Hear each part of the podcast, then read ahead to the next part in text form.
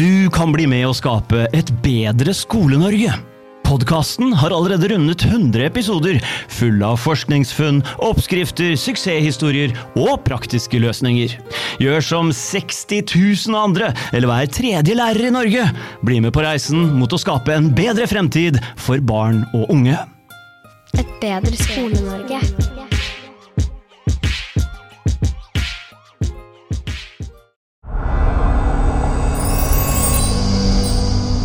Bedre Skole-Norge. Skole-Norge. Velkommen til Et bedre Skole-Norge. I dag har vi med Sonja Arisland, og vi skal forsøke å ta opp noen litt eh, kompliserte temaer og snakke om det på en ryddig og god måte. Vi får se åssen det går. Sonja Arisland er da lektor på Frogn videregående skole. Hun er også aktiv i Kvinneaktivistene i Oslo, og i tillegg så har hun en transkvinne i familien. Så hun har mange roller, men også veldig mange perspektiver. Bli med og hør dagens episode. Et bedre Skole-Norge. Skole-Norge. Ok, Sonja, velkommen hit, da. Ja, takk. Takk eh, for at jeg fikk komme. Veldig fint å ha deg med. Jeg følger deg på X, og det virker som du har eh, vært gjennom litt av hvert i det siste. Altså, jeg vil begynne bare for å oppsummere kort. Det jeg har fått med meg, er jo at du blei jo varsla på fordi du hadde uttalt deg litt kritisk eh, om et eller annet med trans. Da kom det vel et anonymt varsel til arbeidsgiver. I tillegg så var du aktiv når det ble arrangert et arrangement på Kulturhuset i Oslo. Eller dere skulle, kvinneaktivistene i Oslo skulle arrangere et arrangement på Kulturhuset i Oslo, men dere fikk ikke gjøre det. Altså det var to personer som skulle snakke, som var kritiske til eh, sitt kjønnsskifte, så vidt jeg skjønte men da fikk dere ikke ha det med mindre dere hadde med en person som også var positiv, da.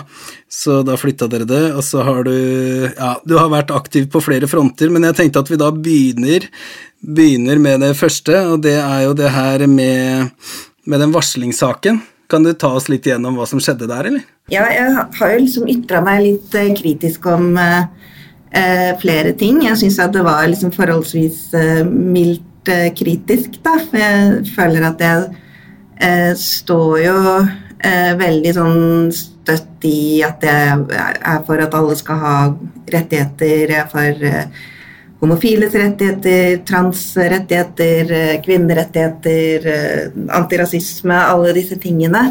Eh, men så eh, skrev jeg noen kritiske ting om eh, da Oslo-skolen gikk ut og eh, meldte hele skolen på pride, eh, så hadde jeg noen tanker om at eh, det syns jeg var litt rart. Jeg som har vært med å arrangere 8. mars og eh, 1. mai og sånn, så er ikke det noe skolen pleier å si at alle skal gå i tog for. Så hvorfor da pride? Liksom, da prøvde jeg å si det på en ålreit måte, og at jeg på en måte er kritisk til en del av den agendaen da, som foregår fra enkelte aktører. Eh, Så det hadde jeg da skrevet litt om på Twitter, og skrev eh, kanskje noe av det første jeg skrev der var i sånn jula eller januar 20, rundt 2021-2022-skiftet der. Og så endte det at jeg fikk et sånt varsel til arbeidsgiver i juli eh, 2022. Og der eh, sto det at jeg var eh, transfobisk og hatefull og høyreekstrem eh, og kristenkonservativ, eller kunne kobles til disse eh, gruppene. Og at jeg Det sto en del sånne forslag om at jeg burde eh, De burde vurdere ordensstraff eller avskjed eller en sånn helt sånn remse med ting som med gode forslag da, til hva man skulle gjøre med meg. Så det var jo en, en litt sånn rystende opplevelse, samtidig som jeg også kjente flere som hadde fått slike varsler til arbeidsgiver. Og da jeg gikk ut på det som da het Twitter, og skrev da at jeg hadde fått et sånt varsel, så var det også flere som tok kontakt med meg om at de også hadde mottatt varsler. Og det er jo da alt fra akademikere til eh, helsepersonell, altså alle mulige yrkesgrupper, egentlig.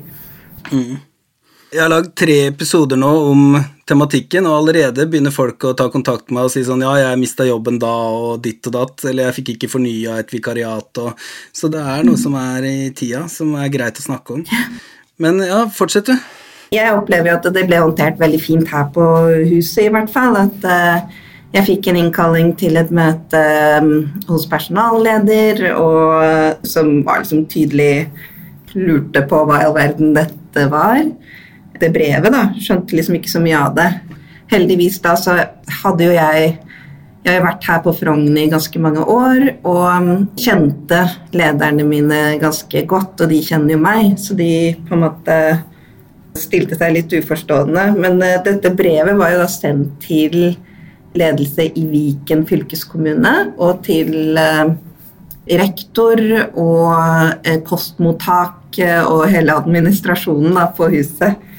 Så det var liksom om å gjøre å på en måte nå noen i ledelse. Eh, og eh, det ble også referert mye til eh, skikkethet og 9a-paragrafen, som da begrunnelse var veldig sånn mye argumentasjon i dette brevet om hvorfor, hvorfor jeg da plutselig var en problematisk lærer da, å ha ansatt. Men håndteringen her var jo I Viken så refererte de til at jeg har ytringsfrihet, og jeg fikk eh, opplevde støtte for at eh, jeg har lov til å mene ting. Men samtidig så kjenner man jo liksom på at man er liksom blitt et altså liksom, I hvert fall jeg da, blir sånn at eh, er dette noe som nå heftes ved meg? Hvis det, hvis, det, kommer flere ting, er det liksom Synker jeg på en måte i anseelse? Hva skjer når man får nye ledere? Som vi også har fått da, i, i løpet av den tida etter det brevet kom. Og da blir det sånn der forklaringsbehov. Man blir litt sånn derre Dette har skjedd meg, men jeg er sånn og sånn. ikke sant? Altså Man blir litt sånn i forsvarsposisjon, da. Og så er det jo liksom vondt å bli angrepet på det med å, å være en trygg lærer eller ikke. I og med at det er Vi vet jo det at relasjon til læreren er noe av det viktigste i klasserommet. Og det er noe vi jobber veldig hardt med. Jeg syns det er en av de det er jo det grunnleggende som må på plass, er jo at elevene er trygge i klasserommet for å kunne da få til læring og kritisk refleksjon og alt dette her. Det, det liksom stikker jo i akkurat det som uh, er uh, det vondeste, da. Men samtidig så, så, blir det jo så useriøst. Det var jo mange påstander der som ikke hadde noe rot i virkeligheten. Og det på en måte kommer jo fra en eller annen anonym person som sender fra en kryptert e-post som ikke tør å engang stå for uh, det de sender til uh, vanlige privatpersoner. Det er jo grenser for hvor uh, vondt det gjør når det på en måte blir så fjernt fra min hverdag og ja, hvordan andre oppfatter meg, de som faktisk kjenner meg. da. Jeg har opplevd god um, behandling, men jeg har også hørt da det er mange som har tatt kontakt med meg, og det er mange som da ikke har fått en god behandling, hvor det på en måte har blitt eh, behandla som et faktisk varsel. Altså man har gjort det til en varslingssak, selv om det da kommer utenfra institusjonen, har på en måte ingenting med arbeidsgjerningen til den som blir varsla på. Det tenker jeg er en litt sånn der uheldig sammenblanding, kanskje. At man uh, tidligere har Det har vært fokus på det at uh, mange ikke klarer å behandle varslingssaker godt nok. Og så blir det en slags sånn hysterisk uh, overreaksjon når det kommer et eller annet som like gjerne kunne vært skrevet på ark og levert inn gjennom vindussprekken på altså, det, det, er liksom det, det, er jo ikke fra en navngitt person, så hvorfor eh, sitter da arbeidsgiver og tar dette her eh, på alvor? Mm. Det tenker jeg er en liksom feilslutning da, som skjer hos mange. De er redde for å trå feil. Mm. Jeg husker jeg har hatt om det her eh, før på sånn skolelederjussen, og da var det sånn at hvis du skal bruke infoen til noe, så må den ikke være anonym, sånn i utgangspunktet. Unntaket er jo varsling. Det er vel sånn som du sier, da, at hvis det er varsling, så er det jo internt. Det kan vel ikke være eksternt, sånn sett. Litt lenge siden jeg hadde, men Men jeg leste en artikkel, og der var vel du den eneste som sto fram, i hvert fall med, som jeg husker. Og Så, så, det var flere som var intervjua og sa at de også hadde opplevd det samme som deg, mer eller mindre, men de hadde da Jeg husker en av de sa at jeg har i realiteten mista ytringsfriheten min, så jeg kommer ikke til å gjøre det mer, for jeg må beholde jobben mm. i forhold til familien, eller litt sånt, da.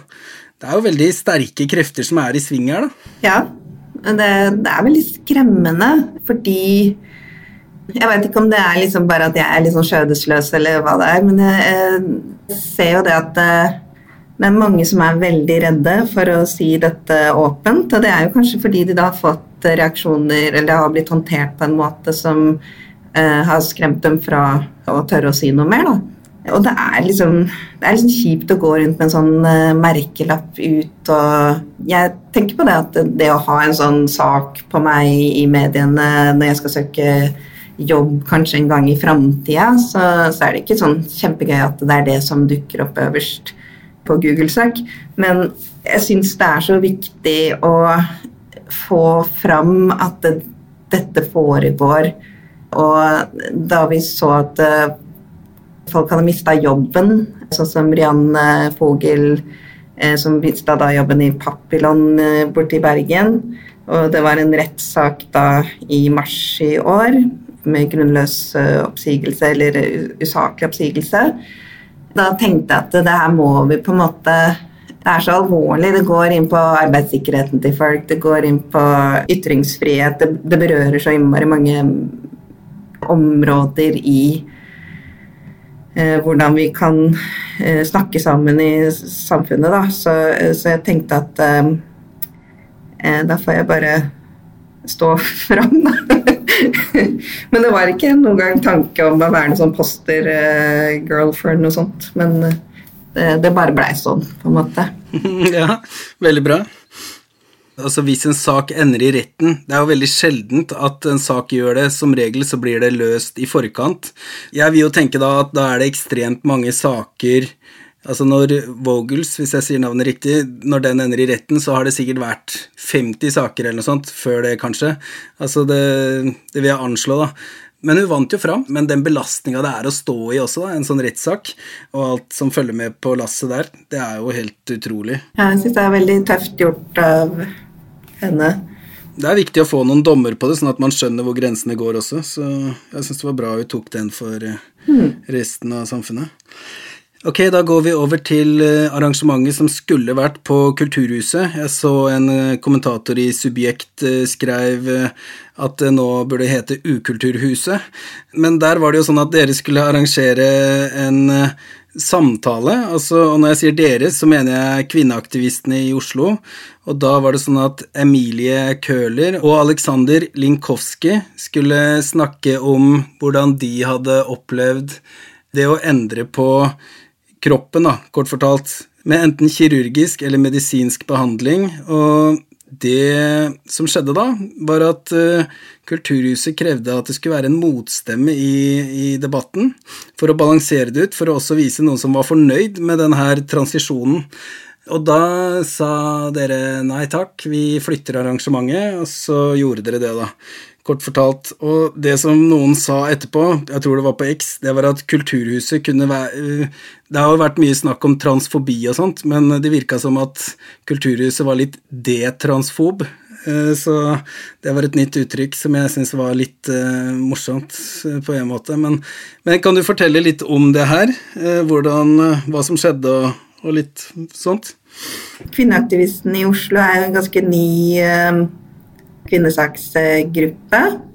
Eh, så jeg er bare medlem, så jeg skal liksom ikke sitte her og snakke på vegne av alle i gruppa og sånn, men eh, jeg var jo involvert i dette her eh, kommunikasjonen med kulturhuset og så videre.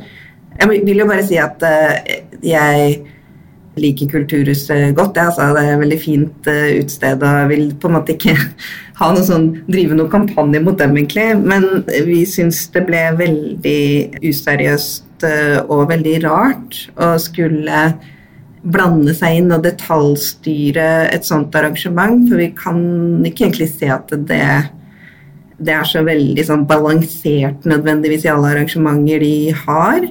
Og det var et veldig sånn rart krav å komme med. For det vi hadde da som eh, prosjekt, var å få da to detransisjonerte, så Emily og Alexander, til å komme og fortelle om sine erfaringer. For vi mener jo at det berører da altså denne forståelsen av kjønn, opplevelsen av kjønn, opplevelsen av å være, føle seg som kvinne når man ikke biologisk sett er det, av å ikke føle seg som kvinne når man biologisk sett er det. Det er ganske interessante perspektiver da, når vi på en måte, som berører rett inn i dette her med kjønn. Og vi har jo da tidligere arrangert eh, flere sånne lørdagsverksteder, er det vi har kalt det, eller det er liksom foredrag. Eh, så vi hadde en i fjor om en lov om endring av juridisk kjønn. Da hadde vi jusprofessor Marit Halvorsen fra Universitetet i Oslo.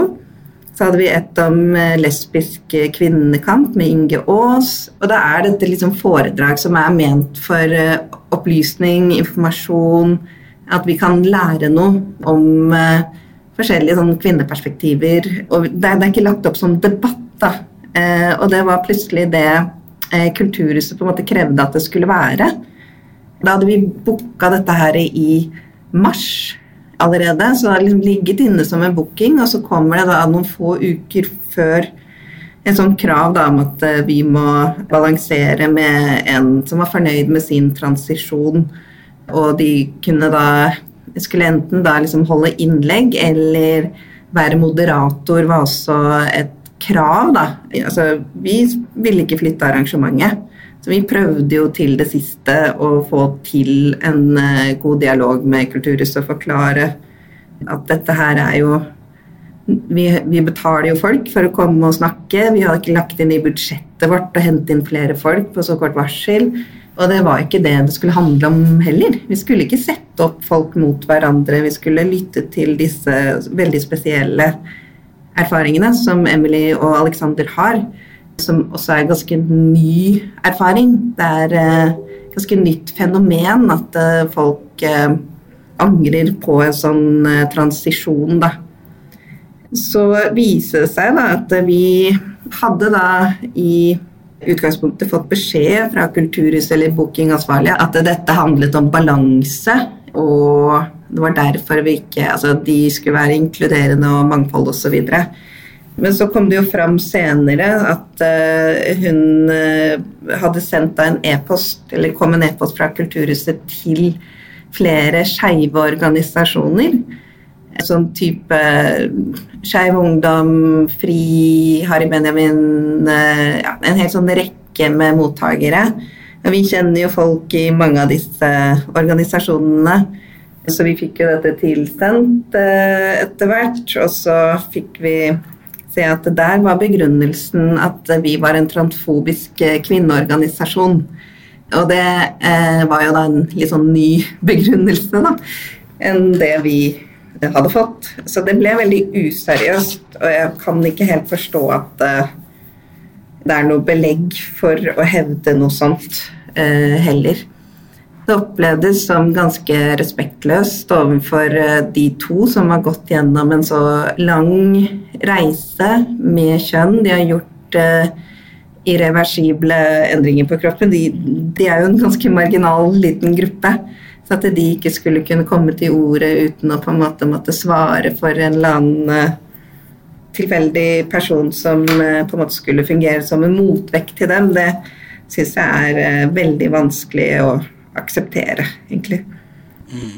Jeg så I VG dagen etter så sa jo Emilie Køhler at uh, det virka nesten som uh, at de ikke var ønska, at deres stemme ikke var ønska i debatten. Og da er vi på vei mot et samfunn hvor det ikke er lov til å ha kritisk refleksjon rundt ulike saker, og det er jo ikke bra. Sånn har jo debatten vært litt tidligere òg. Sunniva Holmås uh, sa jo tidligere at alle skulle gå i pride, nærmest. Det var liksom ikke noe tvil, og der rykka jo Kristian Lomsdalen ut, som kan fritaksretten inn og ut, og sa at sånn kan du ikke si. Altså, det, det er ikke Du kan ikke pålegge folk du, du, kan ikke gi de fritak fra selve læreplanen og læreplanmåla, men du kan ikke pålegge de visse aktiviteter som bryter med foreldrenes filosofiske overbevisning, hvis jeg siterer riktig, da. Så, så det Det er litt sånn merkelig at det er så så sterke sånn eh, verdikonflikter, kanskje, der. At eh, folk eh, er så innmari ihuga at det ikke går an å å bare innta den andres perspektiv, eller i hvert fall høre hva de har å si. da. Det skal liksom dempes. Det er veldig rart med samfunnet nå, syns jeg, fordi Sånn jeg, jeg, kan alltid huske at jeg har vært stolt av Norge fordi det er ytringsfrihet, og det skal være ganske romslig på, på den måten. Da. Vi skal tåle debatter og alt sånt. Men ja. men ja. Jeg tror det bare er en kortslutning hos uh, Kulturhuset. For jeg tror at uh, det egentlig ikke er så mange transfolk som har så mye mot at uh, det transisjonerte snakker men man er så livredd for dette med eh, å bli stempla som transfobisk og osv. Så, videre. eh, så Så blir det på en måte en sånn frykt eh, for å slippe til folk som man tror da, at det skal være så innmari problematiske. Og mm, jeg, jeg, tror det kommer av liksom reelle grupper da, som driver og faktisk eh, hater transpersoner og homofile osv. Og, så men uh, det er jo på en måte en, uh, en annen altså det, det, er en kanskje litt sånn der ekstrem altså Westboro Baptist Church og litt sånne kristenkonservative, veldig ytterliggående grupper da, i USA, uh, gjerne. Og finnes sikkert noen i Norge òg. Men det betyr jo ikke at alle stemmer som på en måte sier 'vent nå litt', kanskje vi skal være litt forsiktig med dette med transisjon. Eh, å transisjonere folk eh, medisinsk og kirurgisk og på en måte fortelle dem at dette er veien til eh, lykke. Og på en måte ukritisk framstille det som noe enkelt. Sånn top surgery og bottom surgery. Bruke sånne eufemismer på en måte framstilles som at ja, man kan velge seg kjønn når man vil. Altså, det er en De kreftene som holder på med det, jeg tror ikke de helt ser hvor skadelig det kan være da, for de som da går gjennom eh, et sånt kjønnsskifte, operasjon osv., som det het før, og så angrer. Mm. For uh, det er ganske alvorlige inngrep, og det medfører Eh, livslang medisinsk eh, behandling med hormoner og eh, irreversible endringer på kroppen som du på en måte ikke kan Som du må leve med da, resten av livet. Mm. Så når man gjør det med unge mennesker og sier at se på dette, dette er liksom så greit og enkelt, så, så er det noe gærent. Og det er mange aktører som ikke tar lett på det, sånn som Harry Benjamin ressurssenter og sånt. De har jo hatt Emily eh, til å snakke hos seg tidligere. Det fins liksom noen litt mer sånn moderate, ansvarlige stemmer, da. Men det er nok de som er litt sånn hissige på det her. Jeg tror de er liksom redde Jeg tror det er en reell frykt for at folk vil dem vondt fordi det kanskje det finnes jo folk som vil dem vondt. Men så er det der å klare å skille på hva er en uh, saklig diskusjon, hva er en viktig, åpen debatt om store spørsmål som berører oss alle. Uh, og hva er på en måte en hatefull person som bare vil at uh, ingen skal skille seg ut og være annerledes. Mm. Jeg har drivet og lest litt statistikk i det siste. Jeg har sett på Bufdir-sida, så, så, er det en statistikk som heter noe sånn Hvor åpen er du for mangfoldighet i samfunnet? Det går an å, å se på sånne type statistikker på Bufdir, og der er jo norske folk mer åpne enn noensinne eh, for alternative legninger og sånt, sånn at um, det er riktignok et lite utvalg, da, jeg mener det er 1250 eh, respondenter, men det skal være representativt for ulike landsdeler, ifølge det som står der, da.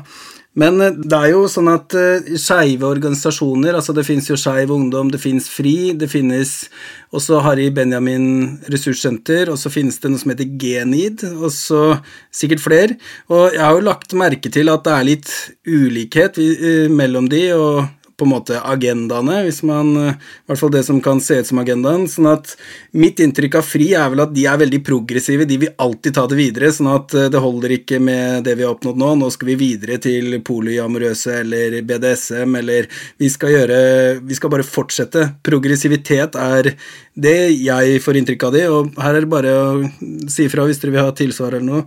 Sånt, og Skeiv Ungdom er jo på en måte dems ungdomsorganisasjon, selv om det ikke er eh, samme organisasjon, så, så, er det en tett link der, sånn jeg oppfatter det. Mens Harry Benjamins ressurssenter er vel mer, sånn jeg skjønner det, for de, de som opplever det, og for de som er pårørende, så det, det er vel mer en sånn type stiftelse. Og den har vel en slags forhistorie med Rikshospitalet eller noe sånt, sånn jeg skjønner det, at det er noe, noe, link der, at eh, de var en del av det før eller et eller annet. Ja, det vet jeg ikke helt, men uansett så er det litt sånn sammensatt. Og jeg så jo det at det var en rapport, altså det som har skjedd er jo at uh, at Statens undersøkelseskommisjon skulle se hvordan det var med pasientsikkerheten til folk som holdt på med transisjon, hvis det er riktig begrep, og, altså skifte kjønn.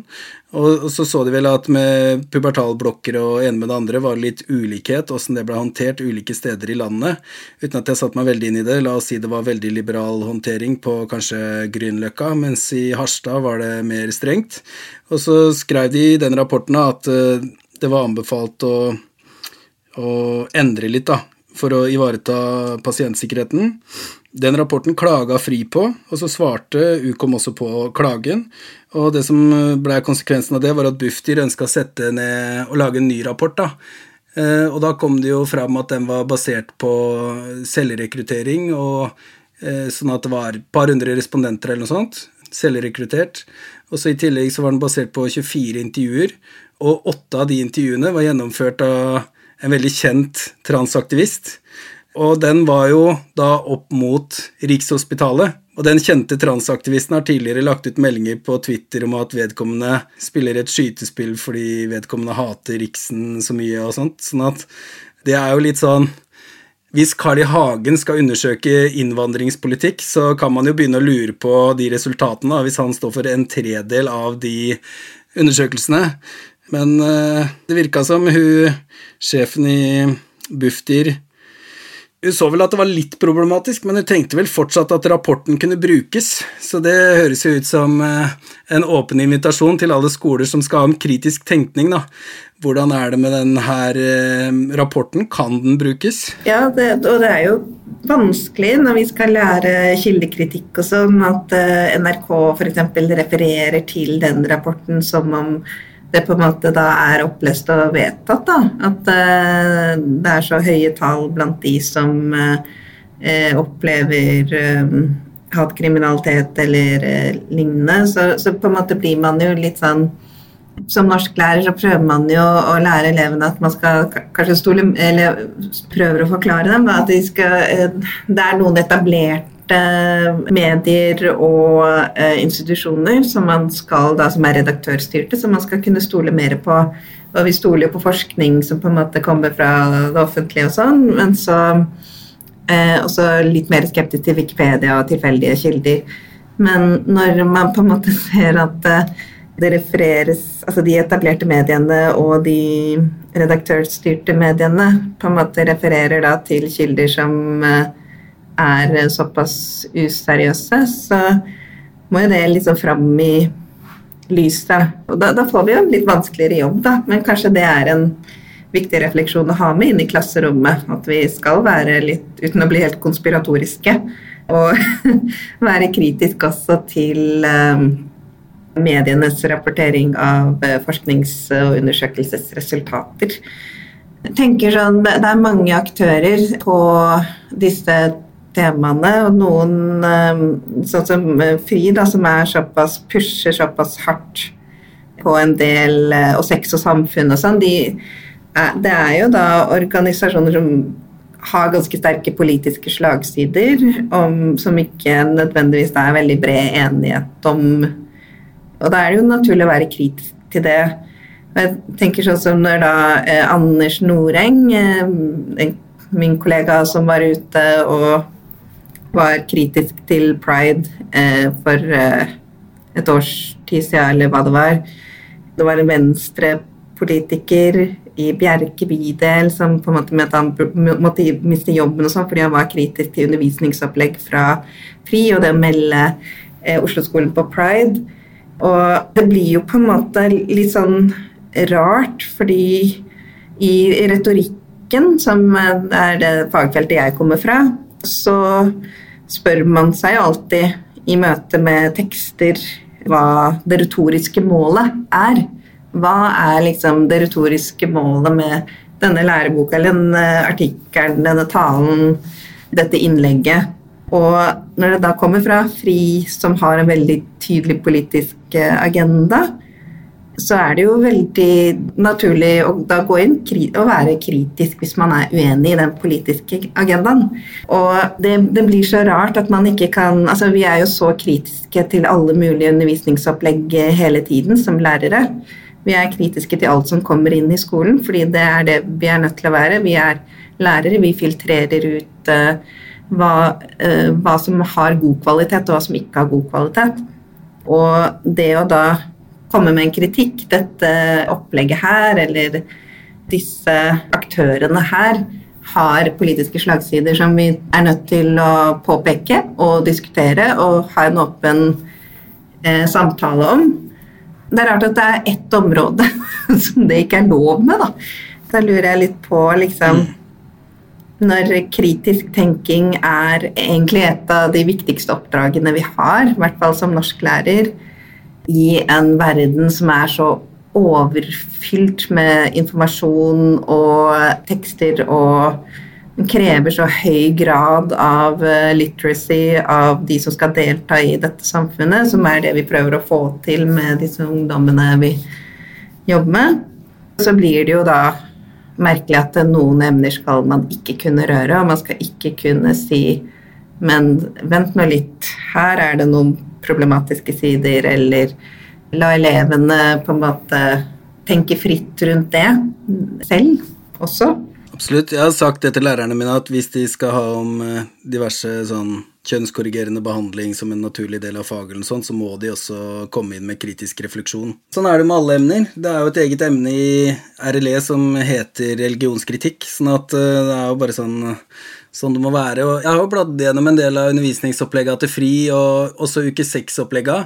I fjor så var det sånn i uke seks-opplegget så, så sto det jo diverse eksempler på hva som var samtykke og ikke, og der var det mange rare eksempler. Eh, og det kunne jo vært greit hvis det ble reflektert godt rundt, og det er jeg sikker på at lærere rundt omkring gjorde, men i fasiten så blei jo ikke ting veldig problematisert. Det sto tvert imot at dette er ikke nødvendigvis ulovlig, og så var det liksom eksempel med holdt jeg på å si, en fotballtrener og en 14-åring eller sånne ting, og det, det var rett og slett Eh, de mente jo da De retta det sjæl, altså sex og politikk.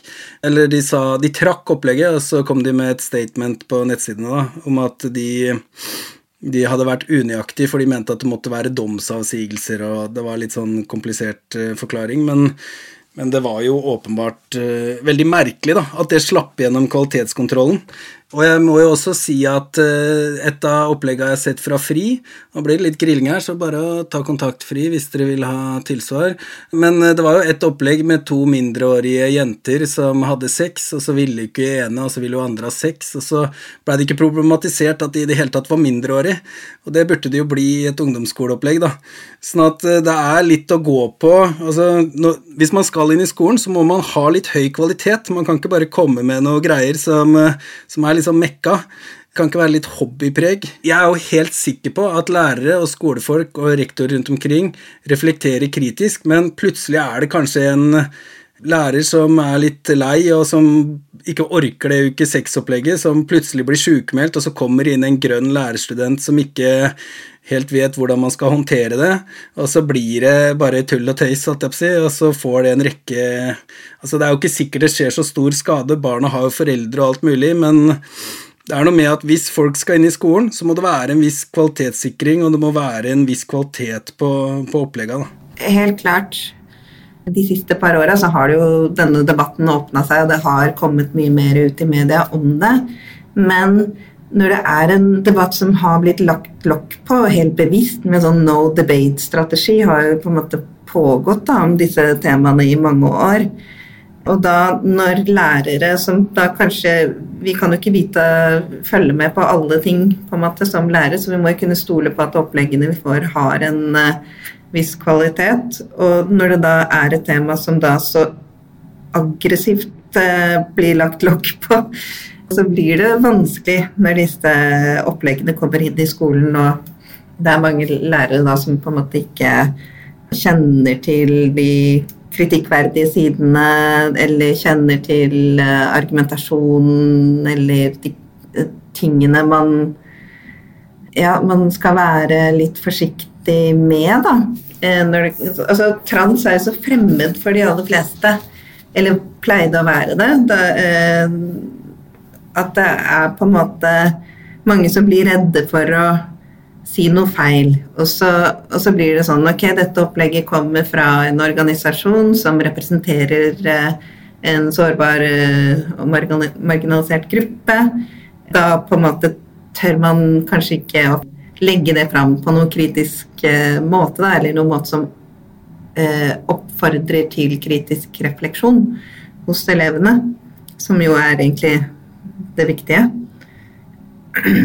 Så, og det, det, kan jeg også eh, Det kommer liksom litt av min egen erfaring at jeg eh, satt jo på SVs landsmøte i 2015 og var helt sånn jippi for eh, eh, selvidentifisering, eller sånn at man kunne endre juridisk kjønn eh, i, uten å eh, ha gått gjennom underlivskirurgi, da. Og da hørte jeg jo ingen motargumenter. Eh, og jeg har jo da hatt en tante som eh, var trans, og, altså, som da var opprinnelig eh, født gutt, som opprinnelig var min onkel, og så gikk gjennom da disse medisinske og kirurgiske endringene på slutten av 80-tallet. Så da dette kom opp i 2015, så tenkte jeg liksom at det var bare kjempefint. ikke sant? Mer rettigheter til transfolk, og så liksom ingen motforestillinger.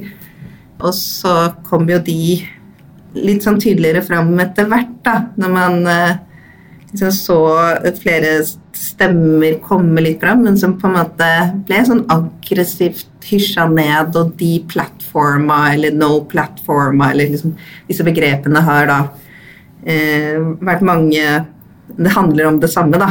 Pass på at det er de som har noen kritiske eh, spørsmål og eh, innsigelser mot noe av dette, pass på at de ikke får komme til orde.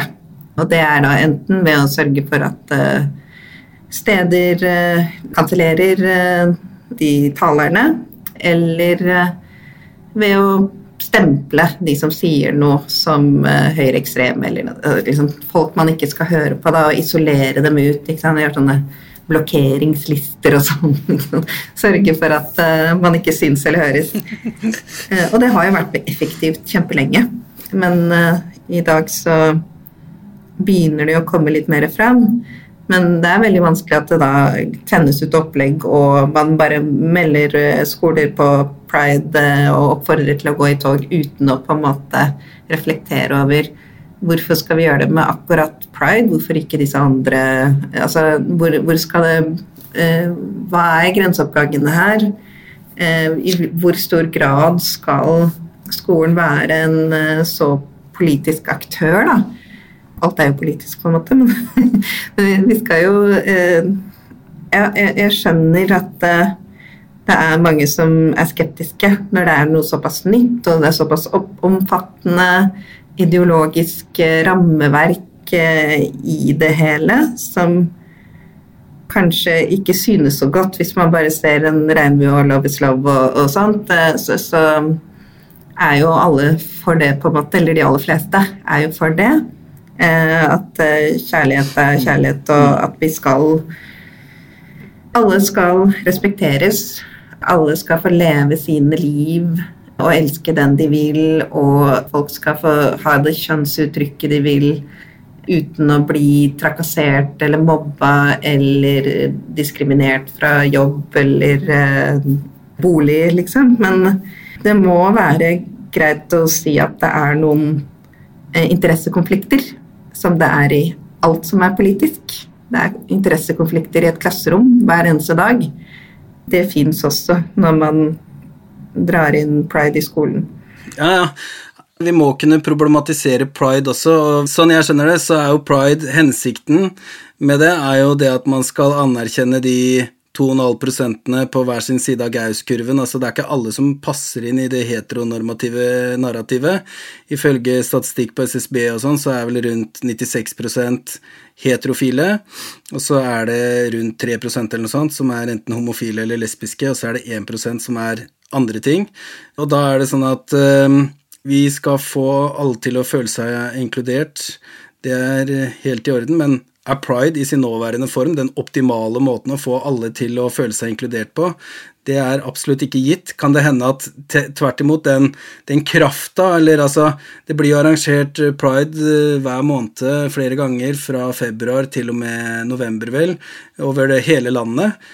Det her med å være kritisk da i klasserommet, kritisk tenking osv. Jeg, jeg klarer ikke helt å se at det er noe man eh, oppnår ved å henge opp et eh, flagg som alle på en måte må da bøye seg for, på en måte. Det er, det er noe sånn Jeg er sånn som har eh, Eh, skrevet eh, Sørga for at barna mine ikke måtte på julegudstjeneste og liksom Altså, jeg er jo imot eh, for, forkynnelse i skolen, og det tar jeg også veldig på alvor selv. Som eh, SV-er og kvinnesakskvinner. Altså, jeg prøver jo å være balansert i klasserommet. Prøver å på en måte presentere flere sider av hvert argument som, med ting jeg er helt uenig i, men på en måte hver sak skal belyses på forskjellige måter. Elevene, når de møter tekster, skal på en måte de, de skal kunne uttrykke sine tanker og meninger og eh, kritikk av alle tekster uten å være redde for at eh, jeg eh, på en måte står der med noe sånn politisk eh, 'dette er riktig, dette er feil' eh, eh, vurdering. Og det, det, kan jo være vanskelig. Altså, jeg kan sikkert ha blindsoner for, for meg sjøl og, og, hva jeg uttrykker og formidler, men jeg syns det er et sånn viktig prinsipp, da. Eh, og når på en måte Jeg syns det virker som det er så mange som eh, Når man på en måte bare sluker hele den eh, regnbuen og alle de der nye progressive flaggene og sånn helt sånn rått, så lurer jeg på om det kanskje er mange som ikke har reflektert så innmari mye over hva det er de tar inn i skolen eh, av eh, jeg, jeg, klarer ikke å se at det er i tråd At det er den eneste måten man kan lære bort eh, respekt og toleranse og mangfold og, og alle disse verdiene som, eh, som vi selvsagt mener er eh, viktig. Vi står i klasserom hver eneste dag med masse forskjellige elever med masse forskjellige bakgrunner. Forskjellige trosoppfatninger, helt forskjellig ballast hjemmefra. Og man eh, opererer da med de interessekonfliktene som finnes i ethvert klasserom hver eneste dag. Så da er det en veldig sånn rar ting å komme inn med et eh, regnbueflagg og si alle må være enig i alt dette står for så er det veldig uklart hva det egentlig står for. Hvis det bare er denne her eh, love is love, så, så klart det, det, er kjempefint, men da kan vi like gjerne tegne hjerter eller altså, det, det, er liksom Det flagget symboliserer noe, på en måte. Det viser Det hører til en organisasjon. Og jeg, jeg syns det er for lite problematisert, rett og slett, før det mm. er tatt inn eh, i alt mulig. Og selv om jeg har gått masse i Pride Talk selv og syns det bare er uh, gøy og koselig på forskjellige måter, så, så syns jeg likevel at uh, skolen skulle hatt litt mer kritisk tenking også i toppen. Helt enig. også liksom opp i systemet. Mm. Ja. Jeg er helt enig. Jeg må jo si at jeg syns eh, Subjekt der eh, har vært eh, gode i det siste. Og jeg så Dambu Choi tok han Anders Noreng eh, i forsvar, i, i hvert fall en podkast med en som heter Henrik Bekkheim. Så det syns jeg var eh, veldig bra. Eh, og det var jo helt usaklig. altså En venstrepolitiker rykker ut og sier at han burde miste jobben. Hva slags ytringsklima sier det? Hun Sunniva Holmås sier at elevene skal gå. Det er ikke mulig å få fritak. Og så kommer liksom Kristian Lomsdalen, som vet alt om fritak, i, har, sjekka alle saker, han har skrevet master om det, alt mulig, sier jo, jo de kan absolutt få fritak. Så, så det er helt sånn eh, Det er en, et sånt ideologisk trøkk som jeg ikke kan huske å ha sett maken til i Norge. og så så er det sånn rart at de kristne altså Nå tenker jeg på særlig han eh, Truls Mehus Olufsen. I hvert fall det jeg har sett, er jo stort sett Han skjønner jo at hvis han argumenterer med, med kristenhet, holdt jeg på å si, altså med sånn kristen moral eller sånt, så kommer han ikke langt. Så han bruker jo bare vitenskap og statistikk, stort sett.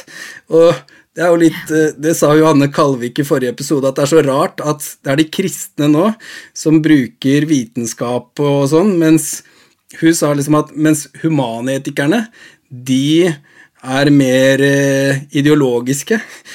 Hun sa det, da. Så det er sånn veldig rart, eh, rar dynamikk som begynner å oppstå, da. Det er kjemperart. Jeg er helt enig med det hun ser, jeg også har sett det samme.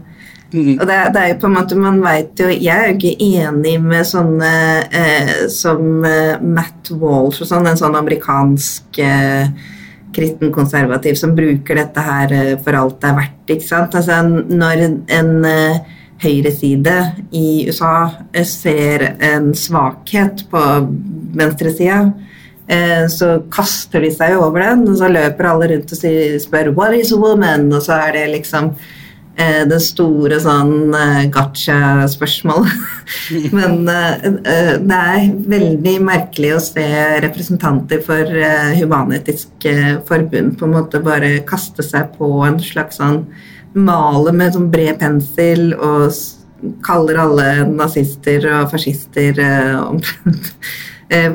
Vi var jo stokastiske terrorister. Altså feminister på venstresida som eh, sier eh, det er noen interessekonflikter når kjønn blir en følelse, og, eller egentlig en ytring, er det jo det er, da. ikke sant? Altså Bare du sier 'jeg er sånn og sånn', så, så er du det. Eh, så det har jo blitt en sånn deklarativ språkhandling, eh, som det heter i språkhandlingsteorien. Altså du erklærer, ikke sant, når presten erklærer nå er dere mann og kone, så har du på en måte endra virkeligheten. Det samme har man nå gjort med kjønn. Jeg sier 'jeg er mann', så er jeg det. Og da er det diskriminerende og fobisk av deg hvis ikke du nå ikke bare behandler meg som mann, eh, men du må også egentlig helst tenke at jeg er det. Og det, det er en så merkelig ting for eh, human, humanister, eller ateister, da, å skulle på en måte sluke sånn med hud og hår at uh, det er den nye virkeligheten. Og all kritisk tanke om det er uh, forbi og hatefullt, det klarer jeg ikke helt å forstå. At, uh, at man kan Det stopper opp. For meg så stoppa det jo opp Jeg tenkte ikke noe over at det kunne være noen problematiske sider. Men da jeg så at kvinner, lesbiske kvinner ble kansellert for å si eh, noe om at eh, Hei, vent litt, det er litt problem for oss hvis, eh, hvis det er sånn at fullt intakte menn med penis og alt også skal kunne kalle seg lesbiske.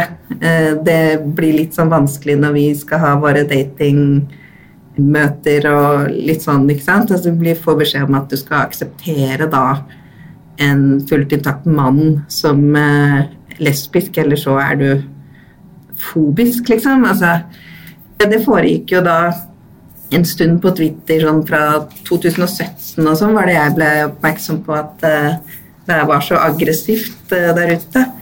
Det er liksom noe sånn rart at uh, nå som alle de argumentene er der ute, man kan finne det hvis du gidder å lese det JK Rowling faktisk skrev. Du gidder å lytte til det mange av de som kalles for eh, terfs og transfobe, faktisk sier, eh, så bør du som eh, humanetiker og ateist klare å se ja, men her er det faktisk en del rasjonelle argumenter på begge sider. Interessekonflikter finnes i alle ting. Eh, det er det politikk omtrent er basert på, at eh, folk har interessekonflikter. Eh, og det å akseptere at det finnes interessekonflikter, det er ikke fascistisk, liksom. Altså, det, det, blir, det blir så dumt. det, det går an å si det sånn. Ja. Ja. Men uh, vi må snart gå inn for landing. Hva tenker du lærere bør gjøre framover, egentlig? Sonja? Jeg tenker at man ikke skal eh, være redd. Altså, det, det, er mitt ønske med å være med her og stikke nesa fram sånn. Eh, det er at eh, jeg ønsker meg at lærere skal tørre å ha kritiske tanker om å la elevene ha kritiske tanker i møte med da den nye forståelsen, den veldig radikale endringen i hvordan vi forstår eh, og snakker om kjønn. Og på en måte ikke være redd for hva som er riktig og feil å mene om saken, men faktisk tørre å tenke.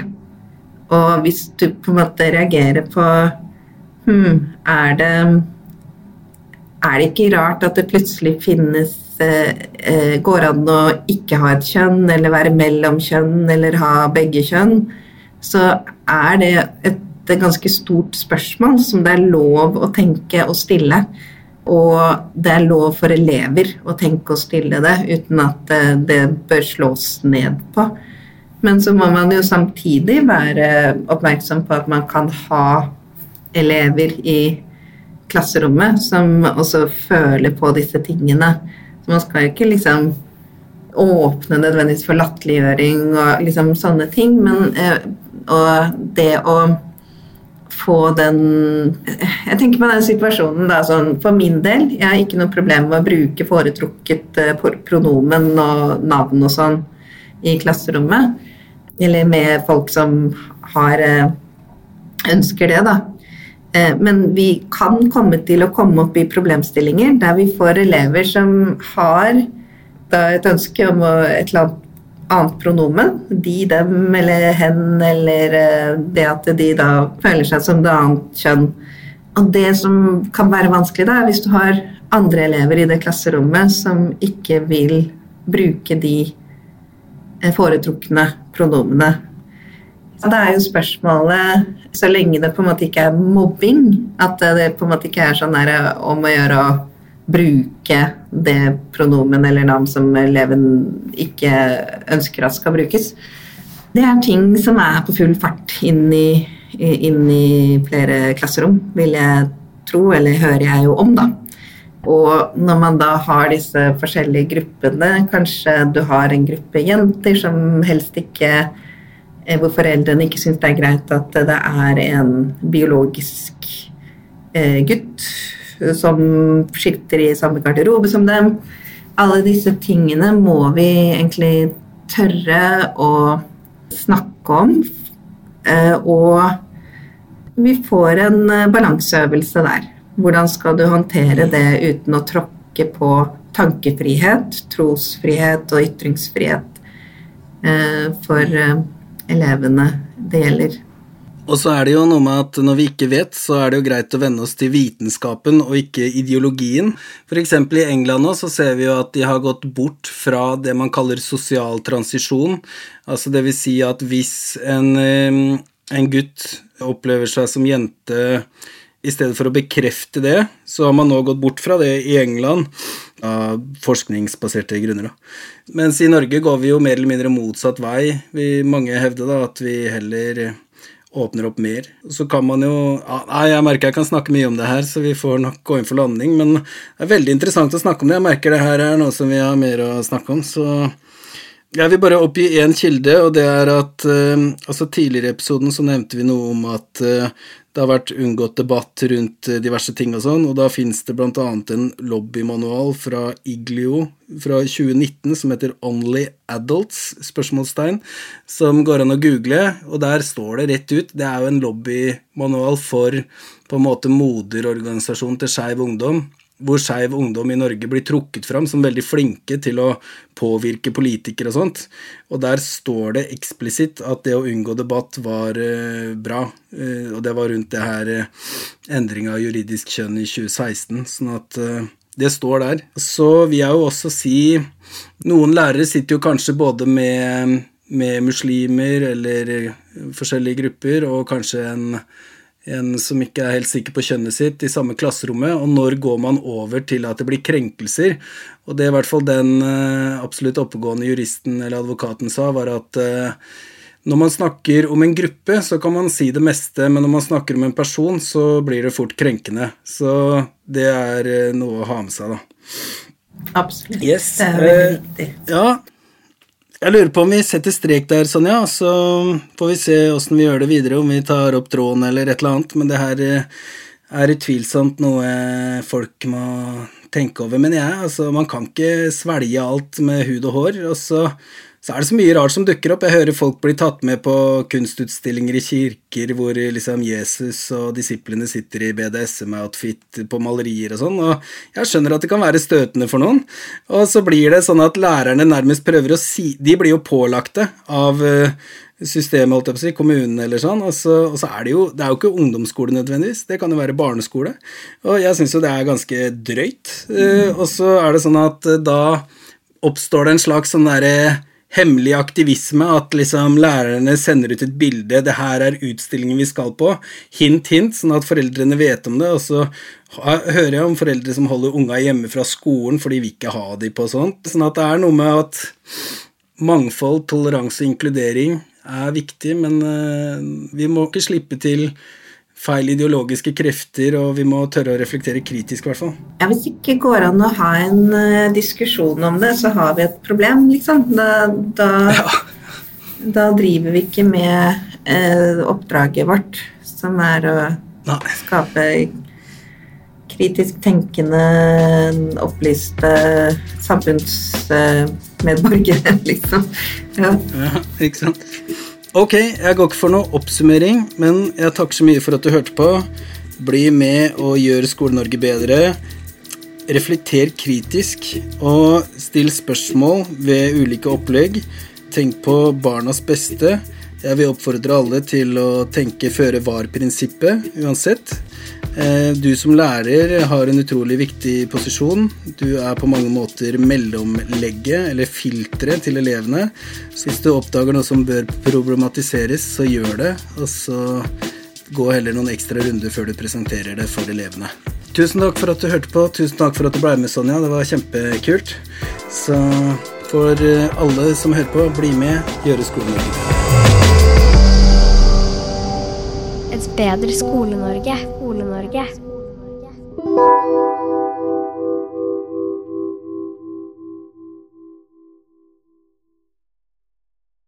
Du kan bli med å skape et bedre Skole-Norge. Podkasten har allerede rundet 100 episoder, fulle av forskningsfunn, oppskrifter, suksesshistorier og praktiske løsninger. Gjør som 60 000 andre, eller hver tredje lærer i Norge. Bli med på reisen mot å skape en bedre fremtid for barn og unge. Et bedre Skole-Norge.